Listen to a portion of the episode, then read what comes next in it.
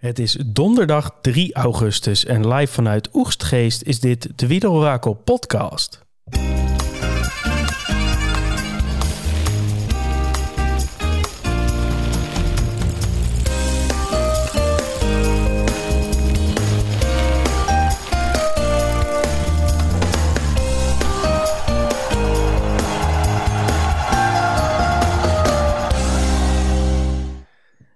All the way from Germany is daar Thomas Zwetsloot. Goedenavond. Ja, guten Tag. Guten Tag, Tom. Wie geht es dir? Wat heb jij een prachtige achtergrond. Mooi, hè? Kun je Ik even voor de luisteraars beschrijven wat jij, wat jij op je achtergrond hebt staan? Achtergrond heb ik een mooi schilderijtje hangen. En uh, daarnaast een, uh, is er een, een, een, raam wat ik zie. En daar hangt een heel mooi licht wit gordijntje. Eh, het is net alsof je bij je grootmoeder in de, in de woonkamer zit, uh, Tom. Mm, gezellig. Uh, ja, nee, maar dit is in, in, het, in het altijd gezellige Zomerach in, in Beieren, in Duitsland. Daar ben ik vannacht verblijf ik daar. Ik ben op doorreis richting Ried in Oberintal, nabij Servaus. Waar ik werk vanaf morgen een lekkere vakantie gaan met het gezin. Dus ja, daar heb ik erg veel zin in. De, maar een overnachting hier in het idyllische zomerach, dat is, uh, ja, dat is nooit verkeerd.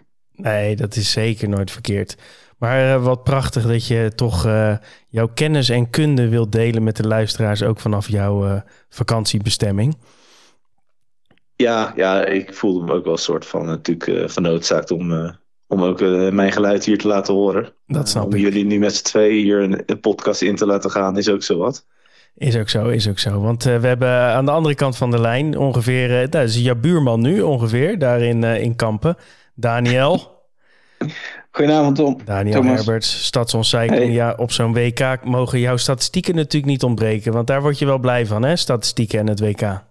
Ja, het WK zegt de statistiek wel halla. Het is altijd een van de weinige koersen per jaar waar je eens een andere invalshoek kunt kiezen. Wat meer focus op de landen, wat minder op de teams. Dus uh, dat is altijd leuk om uh, erin te duiken. Plus het uh, wordt al een tijdje georganiseerd. Dus er is altijd wel veel diepte in de, in de analyses daarvan. Nou, dat gaan we dan dat gaan we merken straks. Hartstikke leuk. Hey, de laatste keer dat we er waren was net voor het einde van de, van de Tour de France. Dus voelt alweer lang geleden, hè, Thomas? Dat voelt best wel lang geleden, ja. Ik, het was natuurlijk wel zo dat de Tour op dat moment al beslist was. Hè? vandaar dat we ook het jolige element van uh, het, uh, het, liedje van Dalida erin konden verwerken. Maar het voelt alweer als een post terug. En, uh, maar aan de andere kant zit het ook nog wel vers in het geheugen. Het is nog wel zo dat ik soms ik denk van... joh, wat hebben we toch een, mooie tour gehad eigenlijk dit jaar. Heerlijk was die. Nee, ja, wat dat betreft hebben we echt een prachtige tour gezien... met bijna elke dag wel, wel een mooi spektakelstuk op de tv. Um, Vrouwentour gekeken, Daniel? Ja, wel veel van meegekregen, ja. Uh, nou ja, vooral de, voor de uitslagen gevolgd en de laatste, laatste kilometers van de etappes wel, uh, wel gezien. Dus uh, dat bleef spannend. En ja, persoonlijk dacht ik dat Van Vleuten het wel zou gaan doen in die laatste bergrit. Maar dat was toch wel duidelijk dat de volging beter was. Dus ik heb wel, wel met plezier gekeken naar de verschillende etappes. En Thomas, je hebt wel eens een bekende door het beeld zien schuiven, of niet? In een, uh, in een zwart DSM-corset. Ik heb daar stiekem, heb ik daar onze goede vriend en collega Arjan Zoer ja. meerdere malen een bidon zien aanreiken aan een van de dames. En wat deed hij dat goed, hè? Nou, dat deed hij zeker goed. Dat was toch maar, hij was bij Parijs-Roubaix natuurlijk, voor vrouwen was hij ook aanwezig in dezelfde rol. Maar hij groeit wel echt uh, in zijn rol. Ja. Toch? ja, absoluut. Maar het is toch mooi, hè? Die uh, Arjan die is gewoon de hele week met, uh, met DSM. connectie natuurlijk via Kelvin Dekker, die ook wel eens in de, in de podcast verschijnt, die daar ploegleider ja. is. Heeft hij een weekje meegedraaid in het in DSM-team en bidonnen aangeven en, en al dat soort dingen.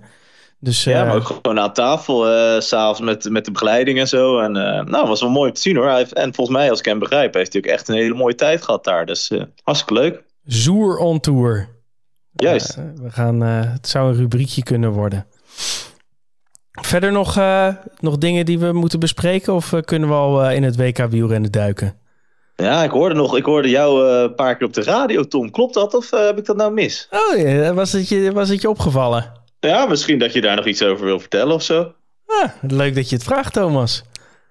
Ik vraag niet zoveel, hè. Het is gewoon een suggestie. Nee, je vraagt niet Maar was wel leuk, denk ik. Nee, dat was zeker grappig. Want we hebben dus uh, op de dag dat de vrouwentour begon, die zondagavond, de mannentour eindigde, de vrouwentour startte. Hebben we, of zijn we uitgenodigd bij Radio 1, bij Pointer, om uh, nou, een uh, voorspelling te doen van elke etappe en ook het algemeen klassement van de, van de vrouwentour. En dat gingen we ook heel leuk aankleden met een analist, met Jip van der Bos. En met live commentaar van, van Leo Driessen. Dus dat is een heel geinige uitzending geworden. En best wel eervol natuurlijk, want dat is op basis van onze data. Dat was echt het fundament onder, dat, onder die hele uitzending. Um, ja, en een, een weekje daarna mochten we, of mocht ik ons komen verantwoorden. mocht, ja, ik op het, op het bankje. mocht ik op het bankje plaatsnemen om te zeggen hoe we hadden gescoord.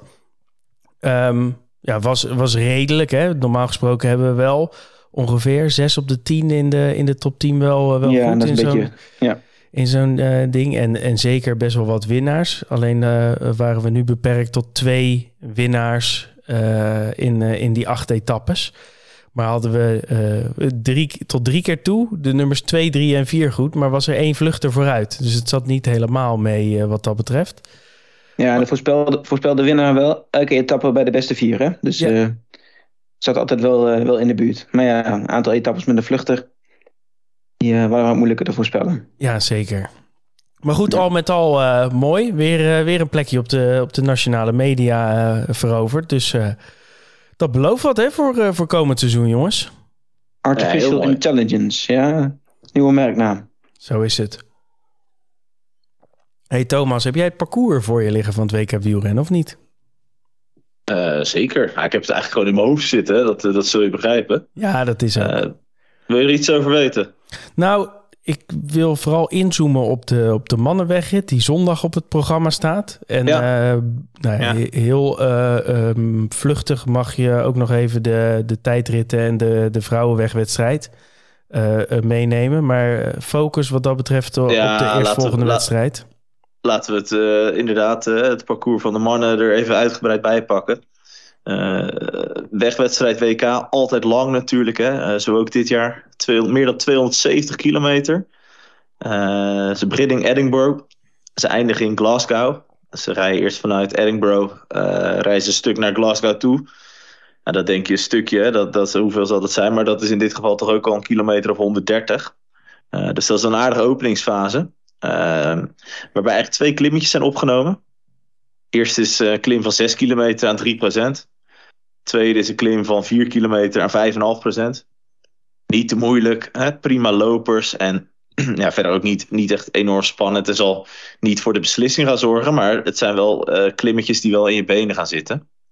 Uh, want die benen die kan je nog eens goed gebruiken. Benen heb je namelijk heel goed nodig op het, uh, op het circuit. Want na die uh, 124 kilometer is het, draaien ze het circuit op in Glasgow. En dan gaan ze 10 rondjes rijden. En dat zijn echt wel pittige rondjes. dat zijn 10 rondjes van een kilometer of 14. waarbij je zou denken, ja, Glasgow, dat is redelijk vlak. Mm. En dat klopt. Hè. De, absoluut gezien is er niet echt enorm veel hoogteverschil tussen het hoogste en het laagste punt. Maar het is wel continu op en af, op en af, op en af. Het is, het is niet normaal. Hè? Het is 14,3 kilometer. En in die 14,3 kilometer zitten ongeveer 45 90 graden bochten. 45, hè? Dus dat is eigenlijk gewoon meer dan drie bochten gemiddeld per, per kilometer. kilometer. Ja. Dus dan moet je je voorstellen dat je aan het fietsen bent. Je, nou, ik fiets zelf heel veel in de polder. Maar daar heb je dus gewoon stukken van 4 kilometer rechtdoor. Hier is gewoon, hé, je bent aan het fietsen en je bent op gang na 200 meter en een bocht. En je trekt weer op en je bent op gang en weer een bocht. En dat eigenlijk 140 kilometer achter elkaar. Nou jongens, dat is, dat is echt slopend. En om het nou nog iets slopender te maken, zit er in die uh, eh, 14,3 kilometer ook nog zeven hele venijnige ja, uh, kikkers, noemen ze dat in het Engels. Hè? Dat zijn een soort van kleine muurtjes. De een wat moeilijker dan de ander.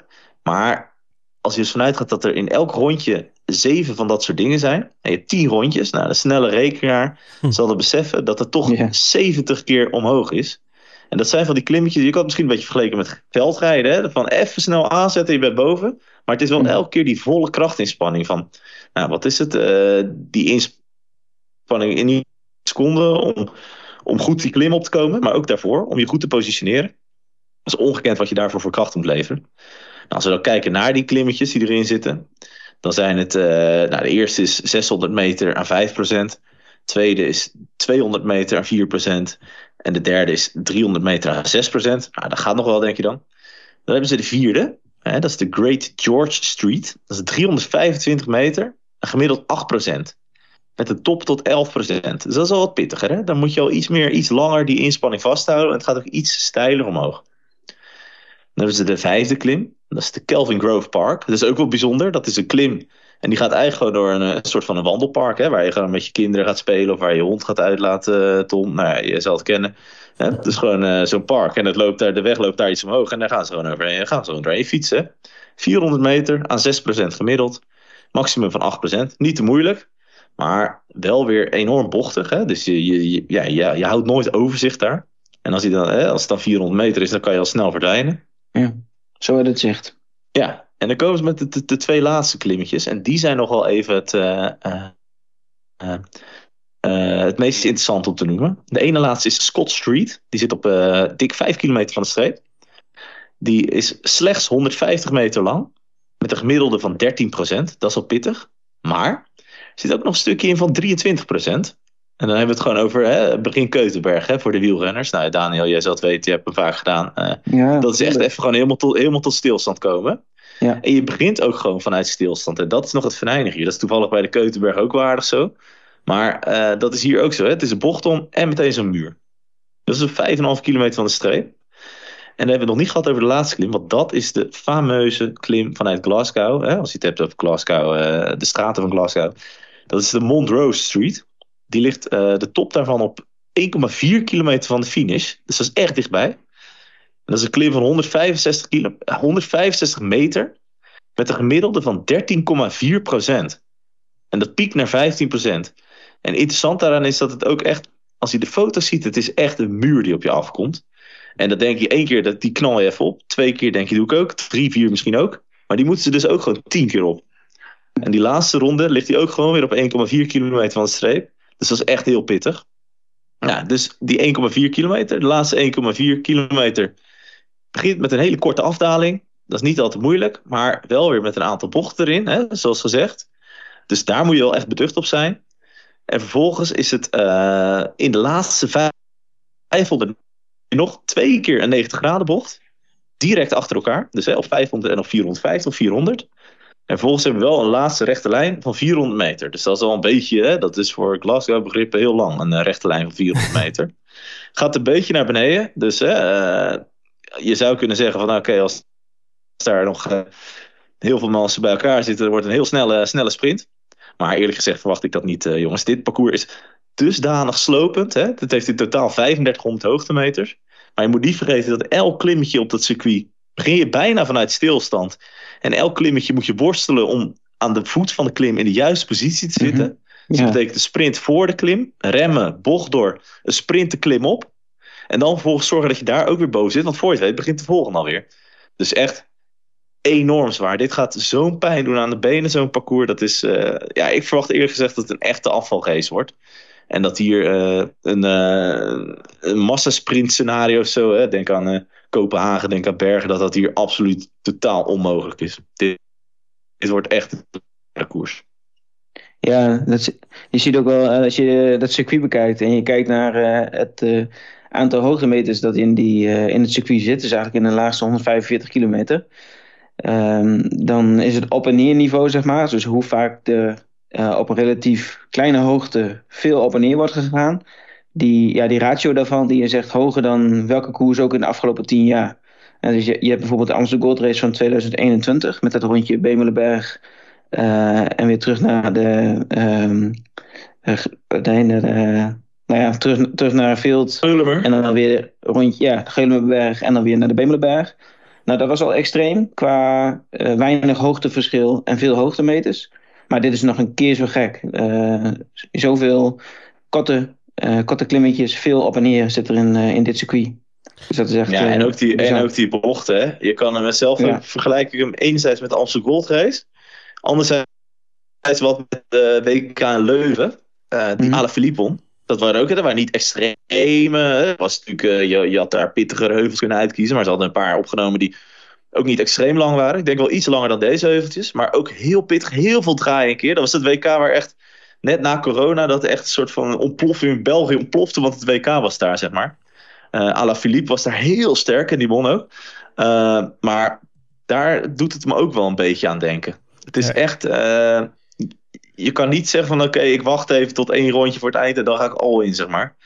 Uh, dit wordt echt sloopwerk. Uh, Koos Moerenhout die vergeleek het ook een beetje met het WK in Richmond, wat in 2015 uh, plaatsvond.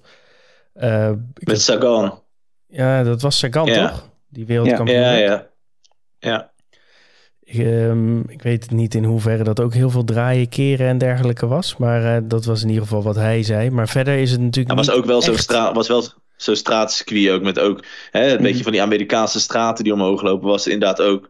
Uh, maar dit, dit is, dat waren naar mijn beleving iets bredere wegen en uh, dergelijke. Dit, was echt, dit is echt.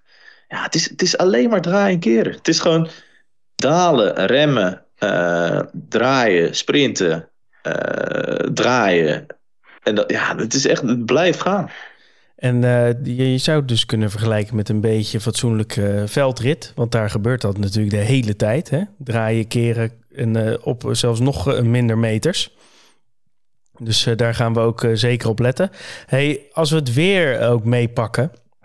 Um, Glasgow, Schotland. Staat natuurlijk niet echt bekend op het beste weer. Als je de weersvoorspellingen erbij pakt dan, dan schommelt het afgelopen dagen wel uh, een beetje. Maar uiteindelijk staat er elke keer wel dat er best wel een forse regenkans is uh, tussen uh, 10 uur s ochtends en, uh, en 5 uur s middags. Dus ik denk dat we er wel vanuit kunnen gaan dat het, dat het een in ieder geval deels beregende koers gaat zijn. Ja, en als je dat draaien en keren hebt met een nattigheid, dan wordt het wel nog even een extra uitdaging, toch? Nou, dan, dan uh, mag je ook uh, wel uh, op zoek gaan naar de mensen die ook wel redelijk handig zijn op de fiets. Die een beetje goed kunnen sturen. En belangrijk, die ook goed bestemd zijn tegen deze nattigheid. Dat, dat is zeer belangrijk hier. Hè? Onze vriend Krek van Avermaat had het bijvoorbeeld helemaal niet met het natte weer. Hè? Terwijl in Wellens er bijvoorbeeld weer heel goed in bij gedijt. Dus je hebt wel renners die er goed mee om kunnen gaan. En renners die er minder goed mee om kunnen gaan moet wel zeggen, het wisselt wel wat, die voorspellingen van het weer, heb ik het idee.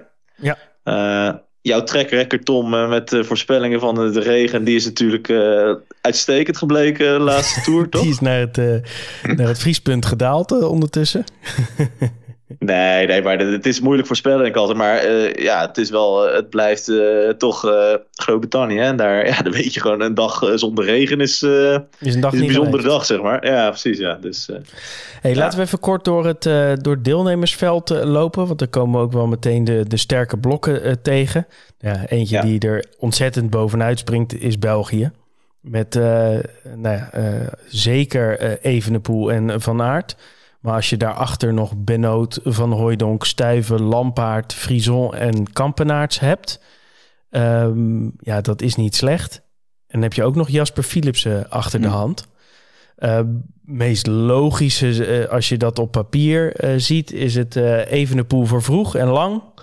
van aard voor de iets, iets wat ertussen zit. En Philipsen als het allemaal nog bij elkaar zit.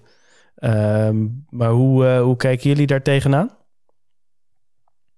Ja, nou ja, ik, hoorde ook andere analyses dat ze zeiden van ja, een, een Evenepoel als wereldkampioen kun je die op een bepaalde manier dwingen om, uh, om dan al vroeg te moeten proberen uh, iets te forceren, zeg maar. Alleen omdat je een Van Aert en Philips in, in je team hebt.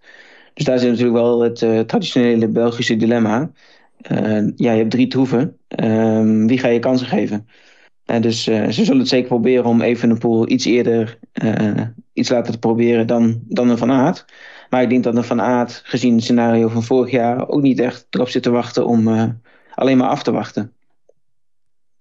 Thomas? Nee, nee dit, dit is het is heel lastig, want je, je kan je ook de vraag stellen: ja, wat is dan vroeg? Hè? Wat, wat, is een vroege aanval van Evenpoel? Hij heeft het in San Sebastian laten zien. Uh, dat was gewoon een veredeld trainingswedstrijd. En hij rijdt gewoon de hele boel aan gort daar. Uh, dus ja, dit, is, dit parcours is minder geschikt voor Evenpoel dan uh, San Sebastian, denk ik. Hè? Het is wel heel. Uh, het is toch iets meer explosief, iets kortere klimmetjes, iets meer sturen. Hè? Dat is toch ook niet. Hij doet het beter dan dat hij deed, maar het is niet zijn favoriete bezigheid, denk ik. Zeker ten opzichte van anderen. Mm. Maar ik denk, ik ben het wel helemaal eens met dat. Weet je, ook als Evenpoel dit wil winnen, dan moet hij ook vroeg gaan. Want als hij niet op tijd gaat, dan kiezen er een paar toch voor. Oké, ik ga gewoon lekker in het wiel bij die Evenpoel zitten. En we gaan die gozer een beetje zieken. Uh, ja, en dan, dan heeft hij niet de sprint om dit af te maken, zeg maar. Als bijvoorbeeld een, uh, nou ja, stel Van de Poel of uh, stel een, uh, nou, noem er nog eens een paar. Pedersen. stel een Pogacar zit erbij. Stel een hele goede Pedersen kan mee en die gaat echt op het wiel van Evenpoel rijden. Ja, zie ze maar eens los te rijden. als hij dat in het laatste rondje bijvoorbeeld wil doen. Ehm, ja, ik, uh, ik vind het lastig voorspellen. Maar ik denk wel dat Evenpoel en Van Aert wel meer kans maken op dit parcours dan Philipsen. Veel meer kans eigenlijk. Hey, en als Evenepoel dan vroeg gaat, hè, wat iedereen in principe wel denkt. En wat is vroeg inderdaad? Ja. Nou ja, zeg uh, rond de 50 kilometer, misschien zelfs wel ervoor. Um, ja. Wat moeten de andere toppers dan doen? Hè? Dus uh, zo'n Van der Poel, zo'n Pedersen, Laporte misschien moeten die nou ook daadwerkelijk dan al meteen op zijn wiel zitten? Of moet je dan de, de luitenanten à la uh, Madouas, uh, Van Baarle, uh, dat soort types zeg maar op zijn wiel zetten? Wat zou jij doen, Thomas? ik zal even kijken wie hier de, hier de, de beurt ging geven. Ze voelt het een beetje. dat ligt er denk ik heel erg aan over welk land je het hebt. Hè? Ik denk als je een land hebt met, met meerdere troeven. Nederland heeft bijvoorbeeld een Van Baarle die absoluut in orde zou zijn. En die iets meer is van dit soort, uh, dit soort aanvallen. Uh, dan zou ik die sowieso uh, proberen mee te laten gaan. En dan vervolgens gewoon nou, niet mee gaan draaien, maar gewoon echt kracht sparen. Om te kijken wat dat, hè, en dan te hopen dat Evenpoel zichzelf wat, wat te veel leegheid, zeg maar. Dus wel de druk van achter houden, als dat gaat. en wel iemand mee, altijd iemand meesturen. maar voorin niet overtuigend mee, meedraaien. Kijk, Van der Poel houdt ook altijd wel van een vroege aanval. Hè? Die is er ook altijd wel voor te porren. Alleen, ja. Ik, betwijfel of dat nu van Van der Poel... of het echt de, de meest wijze zet is... om echt heel vroeg al met een evenpoel mee te gaan omdat België dan ook het spel zou kunnen spelen. Hè? Uh, door Van der Poel bijvoorbeeld zich op te laten blazen. Dus ik denk dat voor de landen die het kunnen, hè, die nog meerdere mensen hebben, dat, dat, dat, dat ze absoluut iemand mee moeten sturen. En dan vervolgens moeten we gaan proberen om te zorgen dat Evenpoel zichzelf wat oprookt, zeg maar. Ja, dat zou een tactiek kunnen zijn. De andere tactiek is Evenepoel gaat. Pogacar denkt, oh, interessant, ik ga mee. Ja. Wat doe je dan hè, als Van der Poel zijnde? Wat doe je dan als Petersen zijnde? Ik zou niet gaan wachten in ieder geval. Nee, maar dan wordt die groep waarschijnlijk ook wel groter. Hè? Als, bijvoorbeeld, als die meespringen, dan, dan wil iedereen eigenlijk meespringen. Het is niet, natuurlijk geen computerspel van oké, okay, Evenpoel gaat en die neemt maar twee, drie man mee. Hij, nee, in, in Leuven was hij ook heel kans, actief. Hè? De kans om te reageren. Hè, op... was even heel actief in de openingsfase. En toen, uh, toen was hij ook, maar toen was hij nog, min, nog minder, hè, had hij zijn naam, was zijn naam nog minder gevestigd. Uh, toen ging hij ook al vroeger. Toen wilden zij uiteindelijk niet met hem meewerken, waardoor de groep erachter weer terugkwam. Toen heeft hij zich eigenlijk een soort leeg gereden, omdat hij toen ook wel echt in dienst van Van Aert ging. Hm. Uh, maar toen was hij eigenlijk op toen de finale begon. Maar goed, we kunnen het wel eens zijn dat uh, Evenepoel uh, weer een belangrijke factor gaat zijn uh, op dit WK en ook op dit parcours. Ook al is dit niet helemaal op zijn, op zijn maat of op zijn ranke lijfje geschreven. in dat geval is het wel meer een, een Van Aert parcours. Maar ja, die, die zou misschien ook hopen dat Evenepoel de motor een beetje opblaast. Hey, Frankrijk heb je, heb je inderdaad Madouas als als uh, uh, Dark Horse. Philippe rijdt gewoon weer mee. Ik weet niet of hij zijn PK'tjes uh, nog iets verder heeft kunnen opporren sinds, sinds de Tour. Want dat was echt net niet. Het zou mij verbazen als hij nu kan shinen op een parcours zoals deze. en ook nog eens van deze afstand en ook nog eens met, met dit weer. Dus Philippe verwacht ik zelf niet helemaal. Kokar heeft natuurlijk een heel prima Tour de France gereden. Maar ook hem zie ik niet echt bij de eerste rijden op zo'n wedstrijd. Nee, bij de dus, Frans is inderdaad Laporte wel een interessante Laporte, troef, ja. ja. Laporte is wat mij betreft ook echt kandidaat, in ieder geval top 5. En was, was hij niet vorig jaar ook tweede, Laporte? Vorig jaar tweede, ja. Ja, zeker. Ja, nee, die, die moeten het ook kunnen. Ja, het is natuurlijk wel een parcours dat op een goede alle verliep. Uh, is het echt op, absoluut op zijn lijf geschreven. Alleen uh, dat is inderdaad precies de vraag. Uh, was in de Tour als een piekvorm of heeft hij juist zichzelf een beetje gereed gereden voor dit WK? Ja, ik, ik heb zo mijn twijfels. dus, maar in de breedte wel een sterk team op zich, Frankrijk. Zeker sterk team. En Denemarken komen we ook op een superblok. Met, uh, met Krach Andersen, met Asgreen, met Skjelmoze, met Mats Pedersen dus, de kopman. Met Mikael Bjerg, met Honoré en met Magnus Kort. Koekoek. Ja, ja, heel, heel sterk team in de breedte. En zeker het team om rekening mee te houden. Ook echt een, uh, echt een aantal van die renners erbij die, die het opeens heel goed kunnen doen. Hè? Søren Krach Andersen, hele Tour eigenlijk niet gezien. Maar wel iemand die uiteindelijk die behoorlijk uit zijn pijp kan schieten op momenten. Askreen natuurlijk etappe en een keer tweede. Skiel Moze die er altijd goed bij zit. Pedersen. Ja, allemaal... Die, Pedersen niet vies van om, uh, om het werk voor elkaar op te knappen, denk ik. Nee, dus, uh, nee. echt wel een team. Pedersen die natuurlijk uh, Harrogate Yorkshire, die daar won, zeg maar. Toen iedereen naar Van der Poel en Trentin aan het kijken was.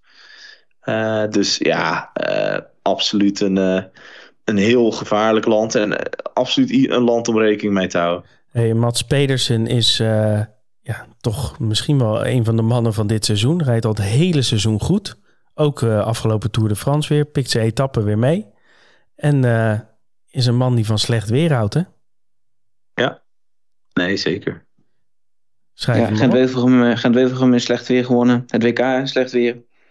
Dus als ja. het regent, dan extra oogje op Mats. Extra oogje op Mats. Hey, de thuisrijders, Great Britain... Mm, Jake Stewart. Mm. die hebben... Ben Turner. Nou, als hij één ding niet kan, is het wel turnen.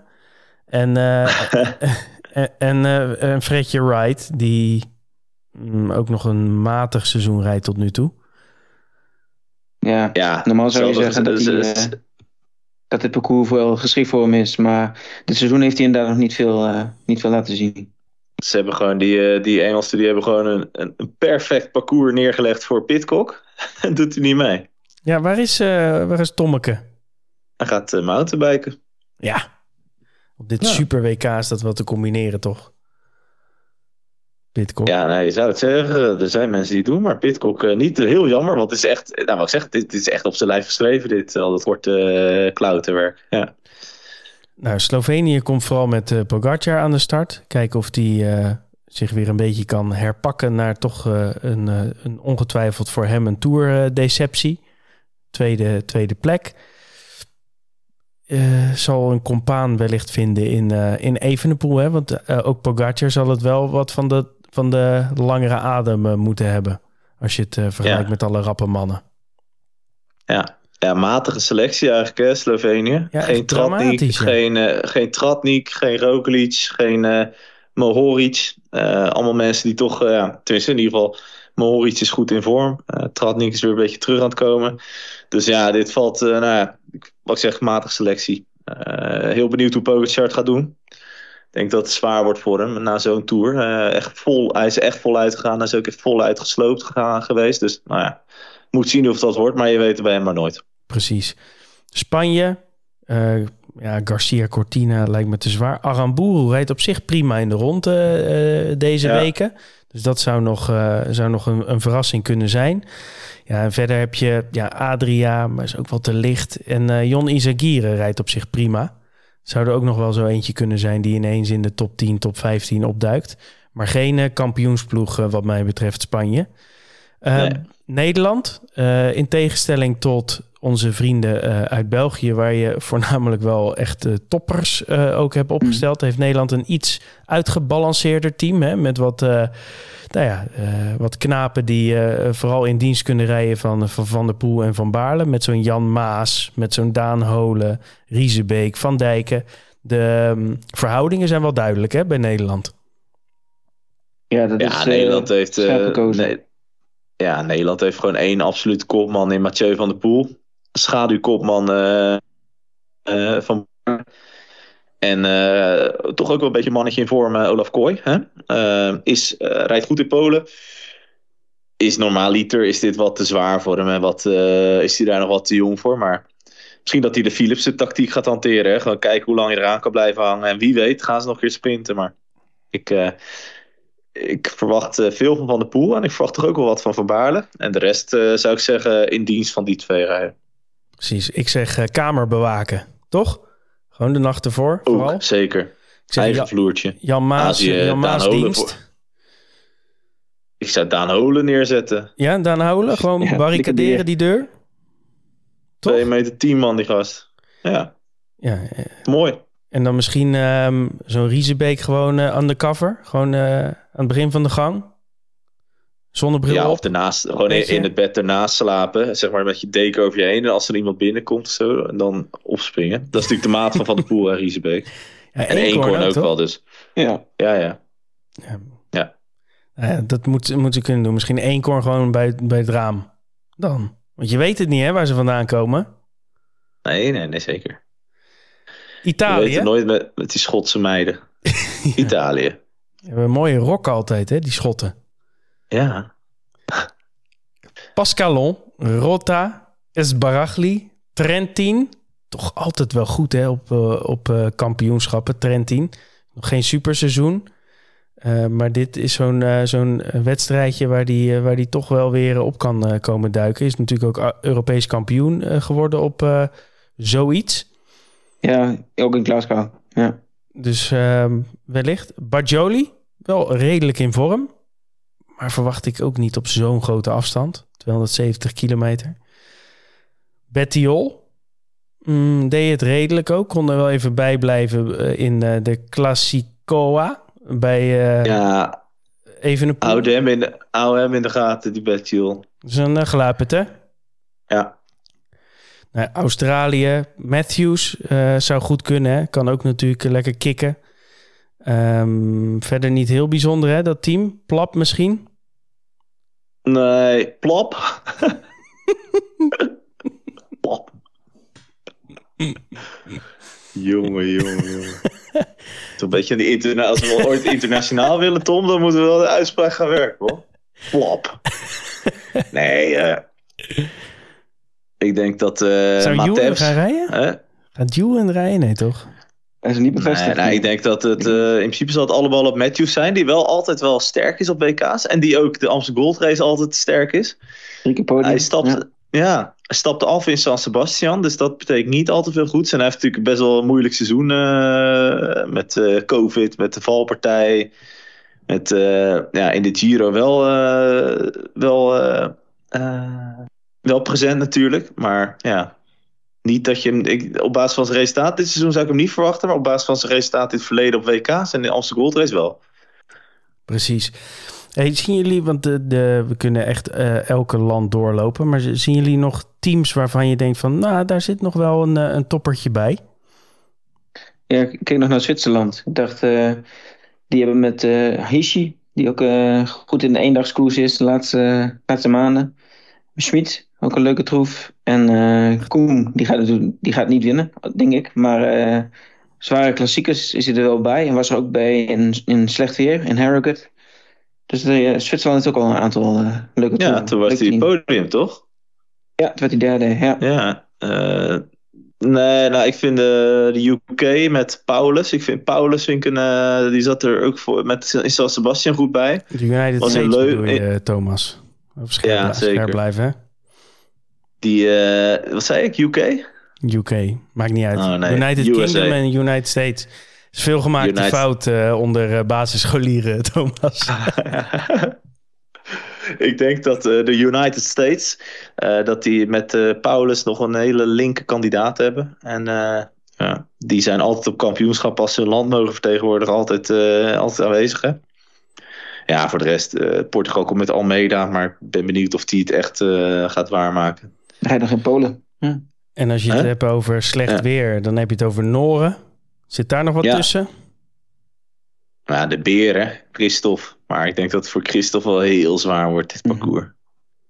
Berenskjold, Tiller, Leknusund, Tobias Halland Johannessen, die natuurlijk echt een prima Tour de France heeft gereden. Ja, ja. Mm, mm, mm, maar iets te veel klimmer, denk ik. En iets te weinig klassiekers. Maar Ja. Healy, heb Dus- je nog bij Ierland rijden? Dat is wel een hele leuke. Eh, Ook, houdt ook ongetwijfeld van dit weer. ja, zeker. En, eh, en rijdt zich ook weer langzamerhand in vorm. En eh, als hij meedoet, dan is hij is hij goed volgens mij. Dus nou, hou die in de gaten. Nou, in Polen heb je nog Kwiatkowski, die, die goed in Zeker. vorm is. En die ook natuurlijk een historie heeft met het WK. Dus zeker in de gaten houden. Ja, en als ome Peter in, met Slowakije komt... Hè, dan eh, mag je daar niet al te veel van verwachten. nee, daar mag je zeker niet te veel van verwachten. Chepeda, Ecuador? Ja, je weet het niet. Nee, joh. Vroeg op lucht. Ja. Nee, verder, eh, Marokko komt natuurlijk wel nog met eh, El Gouzi en eh, El Araboui. Ja, Ja.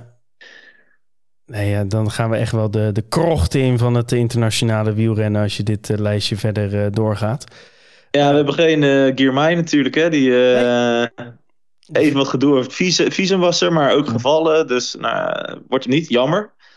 Want was bij de, bij de Neo-profs in Leuven wel eh, tweede volgens mij. Dus uh, nou, Het is niet Jammer. het seizoen uh, van Bini, hè? nee, nee. Weinig nee, fans absoluut. erbij in de fanclub, Thomas.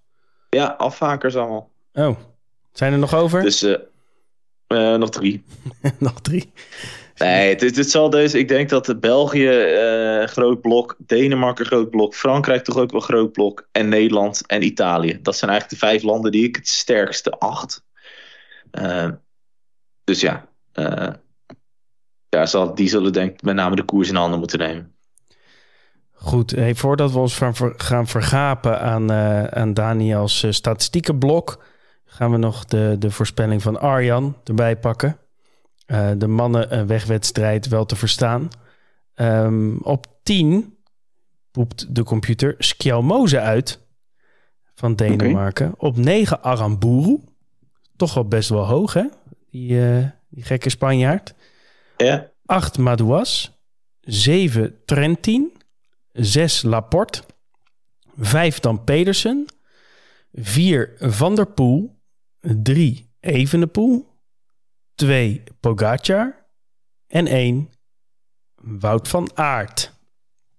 Ja. Ja, Wout van Aert die is eigenlijk de, al de laatste WK's is natuurlijk de hele tijd topfavoriet. En dat is meteen ook zijn grote... Uh, ja, wat heel vervelend voor hem is, dat iedereen ook toch ook weer uh, naar hem kijkt vaker. Ik ben er absoluut van overtuigd dat Van Aert goed gaat zijn. Ik denk dat het geen kwaad kan dat hij eerder uit de Tour is gestapt dit jaar. Dus hij zal ongetwijfeld hier iets willen presteren. Alleen ja, hij heeft weer dat Van Aert ja, dat Van Aert uh, probleem, dat iedereen toch ook wel uh, hem ge, in het oog houdt. Ja, ja, toch zie ik op veel, veel voorspellingen dat die gedaan worden online. dacht dat Evenepoel en Van der Poel wel iets hoger staan dan Van Aert. Dus misschien dat hij uh, ja, net iets minder de grote favoriet is dan in de voorgaande jaren. Het model ziet natuurlijk wel de prestaties van de afgelopen drie jaar. Dus logisch dat hij hier op, op één staat volgens mij. Ja. Maar ja, misschien wel iets minder de grote favoriet dan, uh, dan bijvoorbeeld vorig jaar. Ja, wat mij verder dan opvalt is wel dat Pogacar en Evenepoel toch uh, geen sprinters van beroep, dat die dan wel echt hoog staan uh, op, dit, dat, op dit parcours. Um, en dat je verder gewoon een mengelmoes hebt van wel stevige sprinters zoals Van Aert, zoals Van der Poel, Pedersen, Laporte, Trentin. Dat, het is wel echt een mix hè, wat, wat hier wordt neergezet. Maar geen hele gekke namen hè, in de top 10 zo.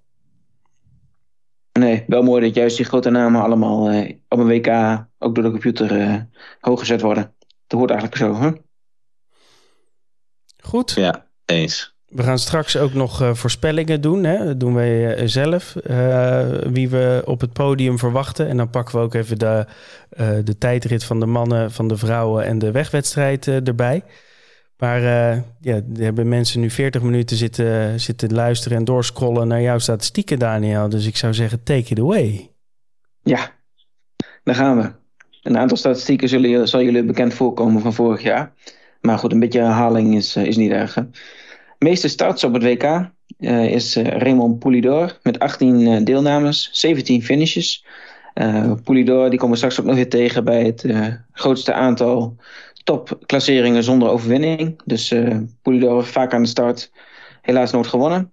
Uh, Zoetemelk is de tweede in die lijst. Die staat op 17 starts. Samen met Kelly. Nog zo'n renner die uh, vaak goed reed, maar nooit won. En Junkerman. Dat zijn de, drie, of de vier renners met de meeste starts op het WK. En als actieve renner staat Yukiya Arashiro daar heel erg hoog. Met 15 deelnames. Op gelijke hoogte met bijvoorbeeld een Philippe Gilbert. En Greg van Avermaat staat er net onder op 14. Maar Arashiro is er natuurlijk al jaar, jaar en dag bij. Nou, als we dan kijken naar de, de meeste top, topprestaties op het WK. 11 top 10 plaatsen, ongelooflijk. Alejandro, 11 keer top 10 op een WK, waarvan 7 keer op het podium. En dus die ene overwinning in 2018. Nou, daar komt niemand in de buurt, want uh, Oscar Freire, zijn landgenoot, staat op 8 top 10's.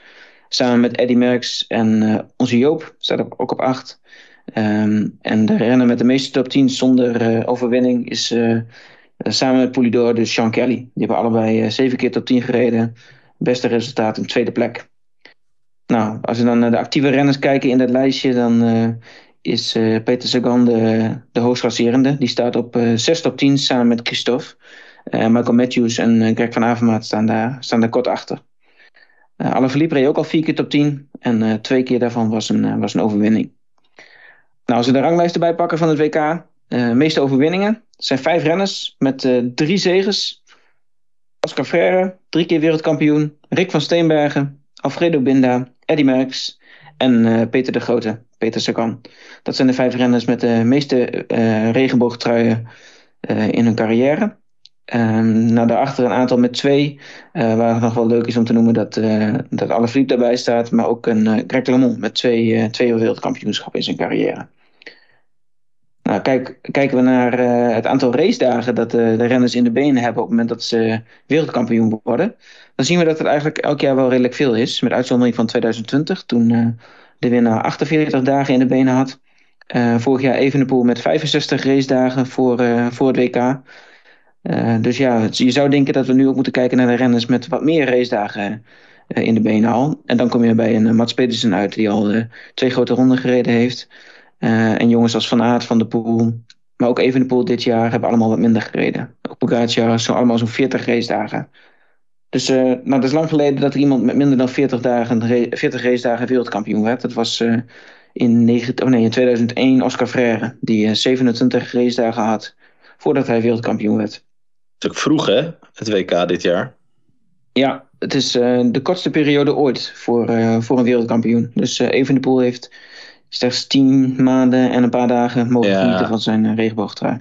Ja, precies. Ik bedoel, als de Vuelta was geweest, dan had Evenpoel weer 20 race dagen extra gehad.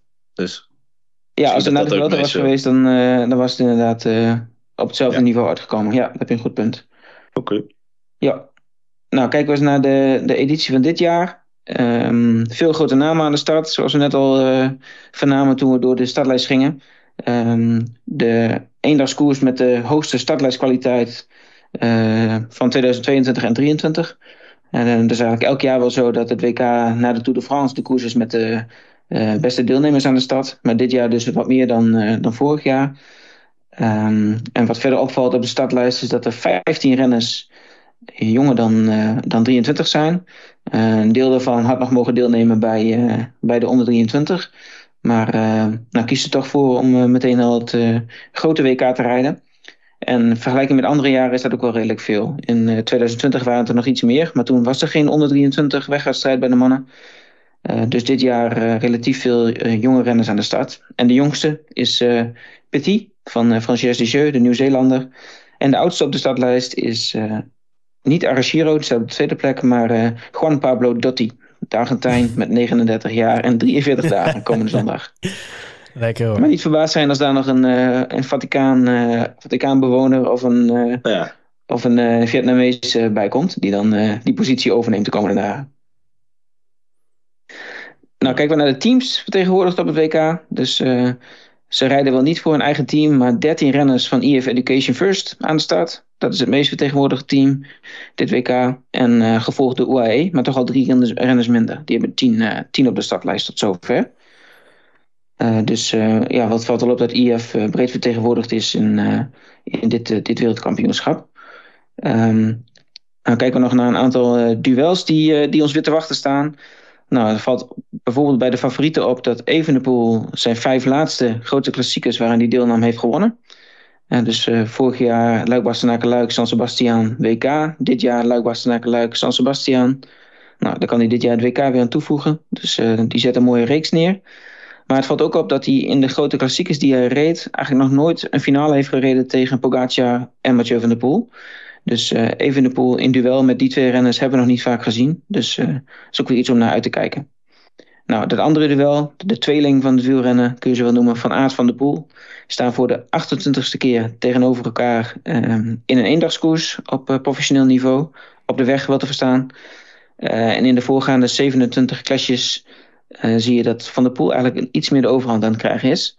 17 tegen 10 uh, met een beter resultaat. 7 tegen 5 overwinningen. 15 tegen 13 podiumplaatsen. Uh, en een mediaanresultaat van uh, 3 voor Van der Poel en 4 voor Van Aert. Dus dat betekent dat in de helft van die 27 klasjes Van der Poel beter dan derde was. En Van Aert vierde of beter was in de helft van die, van die duels. En slechts één keer stonden ze allebei niet in de top 10 in een van die 27 uh, eendagskoersen. En dat was de Elfstedenronde van 2018. Toen uh, eindigde Van der Poel 22e en Van Aert 82e. Maar het zou je niet verbazen dat ze allebei wel een hoofdrol verspeelden in, die, uh, in de finale van die koers. Dus ja, je weet als ze bij allebei aan de start staan, dan, is het, zie, dan ga je ze van voren zien. In ieder geval één van twee. En bij heel veel races ook, ook allebei. Dus weer genoeg om naar uit te kijken komende zondag. Mooi. Mooi. Als jij uh, mediaan zegt, uh, Daniel, dan krijg ik toch altijd een beetje kippenvel. Ja, daar zat ik ook even op te wachten. Ja, ja. ja lekker hè. Als we denken, mediaan, modus. Oh ja, hebben we weer. Ja, ja altijd even nadenken. Hey, we gaan voorspellen. En um, Thomas, jij mag, hem, uh, jij mag hem als eerste inzetten. Je top drie voor de mannenwegwedstrijd. Kom maar op. Van der Poel op één. Ik denk dat hij heel erg goed heeft toegewerkt naar dit WK. Dat het echt op zijn lijf geschreven is. En ik zie hem daar knallen. Uh, de eeuwige nummer 2 wordt bij, bij mij nummer 2 met Wout van Aert. En derde plaats, een verrassingje. Maar hij, uh, ja, hij, valt me soms wel, hij valt me best wel wat op de laatste tijd. Zowel in de Tour als in San Sebastian. Hij kon het in Leuven. Ik denk Paulus als een uh, verrassende nummer 3. Ja, heeft de Tour wel gereden met ongeveer zijn tong op zijn, op zijn enkels. Ja, dat is waar. Maar Ah, een klein gokje. Uh, klein gokje, klein gokje mag. Hey, uh, pak maar even de, de mannen individuele tijdrit, de vrouwenwegwedstrijd en de vrouwen tijdrit oh ja, erbij. Even door, hè? Ja, mannen tijdrit Evenepoel is echt heel sterk. En wat heuveltjes in het parcours, dat moet hij goed kunnen. Eeuwige nummer twee, ook hier nummer twee, Van Aert. en derde plaats, hij verraste enigszins door heel kort achter Ganna te eindigen in de Baloise Belgium Tour. Hij heeft ook laten zien eerder in het seizoen dat hij ook de tijdrit een beetje heuvelop wel goed aan kan.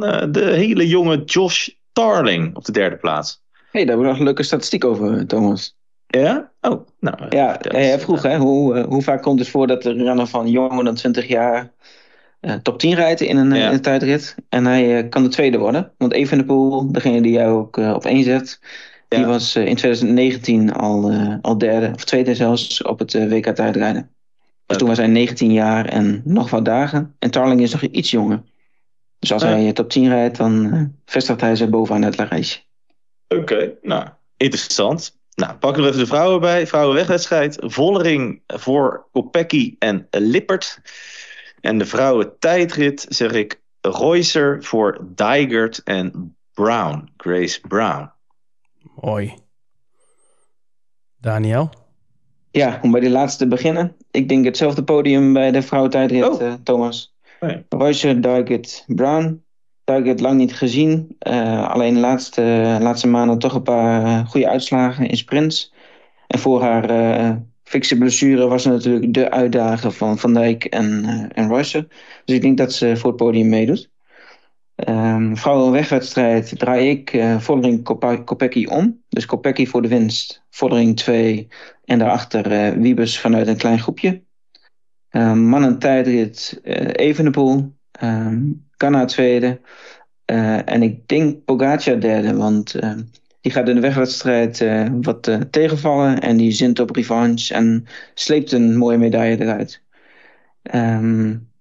Overigens is Even de Poel, als hij de tijdrit wint, alsnog de jongste winnaar van, van het WK-tijdrijden ooit. Dus het vierde keer dat hij meedoet, bizar, nog steeds jonger dan 24 jaar. Hm. Dus nou, dat record gaat hij neerzetten. Mannenwegrit, ja, ik ben het met je eens. Van de Poel op één, Van Aard op twee. Veel draaien, keren, dus die twee uh, gaan het uitvechten aan de streep. Nou, ik denk daarachter Philips een derde. Beetje in Parijs-Roubaix, ja. maar dan wel met het duel wat we in Parijs-Roubaix gemist hebben. Ja, mooi. Leuk. En jij, Tom? Jongens. Mannenwegwedstrijd op drie. Van de Poel. Ja. Op twee. De eeuwige tweede. Van Aert. En op één Mats Pedersen. Mighty Mats. Ja, mooi. Ja, kan toch niet anders. Regen. Lang, lang, lang wedstrijd. 270 kilometer. Dit is op uh, Mats een uh, lijf geschreven. Dus uh, Pedersen op één. Al hoop ik natuurlijk met jullie mee, hè. Van de Poel op één. Wereldkampioen. Zou fantastisch zijn. De eerste sinds Joop Zoektermelk. Ja. Mm -hmm. Ja, Kippenvel zal dat worden. Mannen, individuele tijdrit. Ganna op 3. Van Aert op 2. Uiteraard. Evenepoel op 1.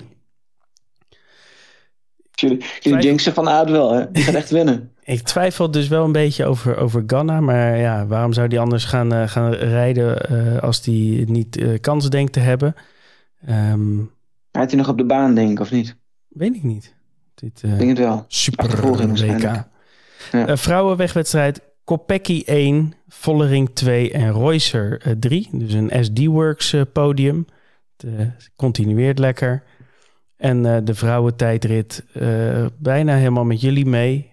Reusser, Dijgert en Vollering. Dus dan zijn we rond hè jongens. Mooi. Mooi. Thomas. Ja, dan gaan we het beleven. Dan gaan we er eens even lekker voor zitten. Ik krijg al foto's van jouw vrouw door. Wil je de, Echt? Ja, ik krijg foto's van jouw vrouw door dat de schnitzel klaar staat. Oh, nou dan, uh, dan gaan we afronden, toch? dan gaan we afronden natuurlijk. Ik wou net zeggen, wat voor foto's krijg je door, maar dit is prima. Nee, is prima. Me, nou, dan gaan we afronden. Ik zal hem even in de, in de groepsapp zetten, om, uh, dat ik geen uh, problemen krijg. Ja, dat is goed. Dan, okay. dan weet je wat er heen en weer gaat. Ja, dan ga ik lopen, ja? Ja, ik, ik zou zeggen... Ik zou zeggen, schuif hem naar binnen. Ik hoop dat hij uh, groter is dan je bord. Dat zijn altijd de beste schnitzels. Echte olifantenoren. Kom goed. En zondag wel gewoon koers kijken, hè? Zeker. Ik ga ervoor zitten, jongens. En ik heb er echt heel veel zin in. Mooi. Daniel, jij? Ja, enorm. Ik zie eruit.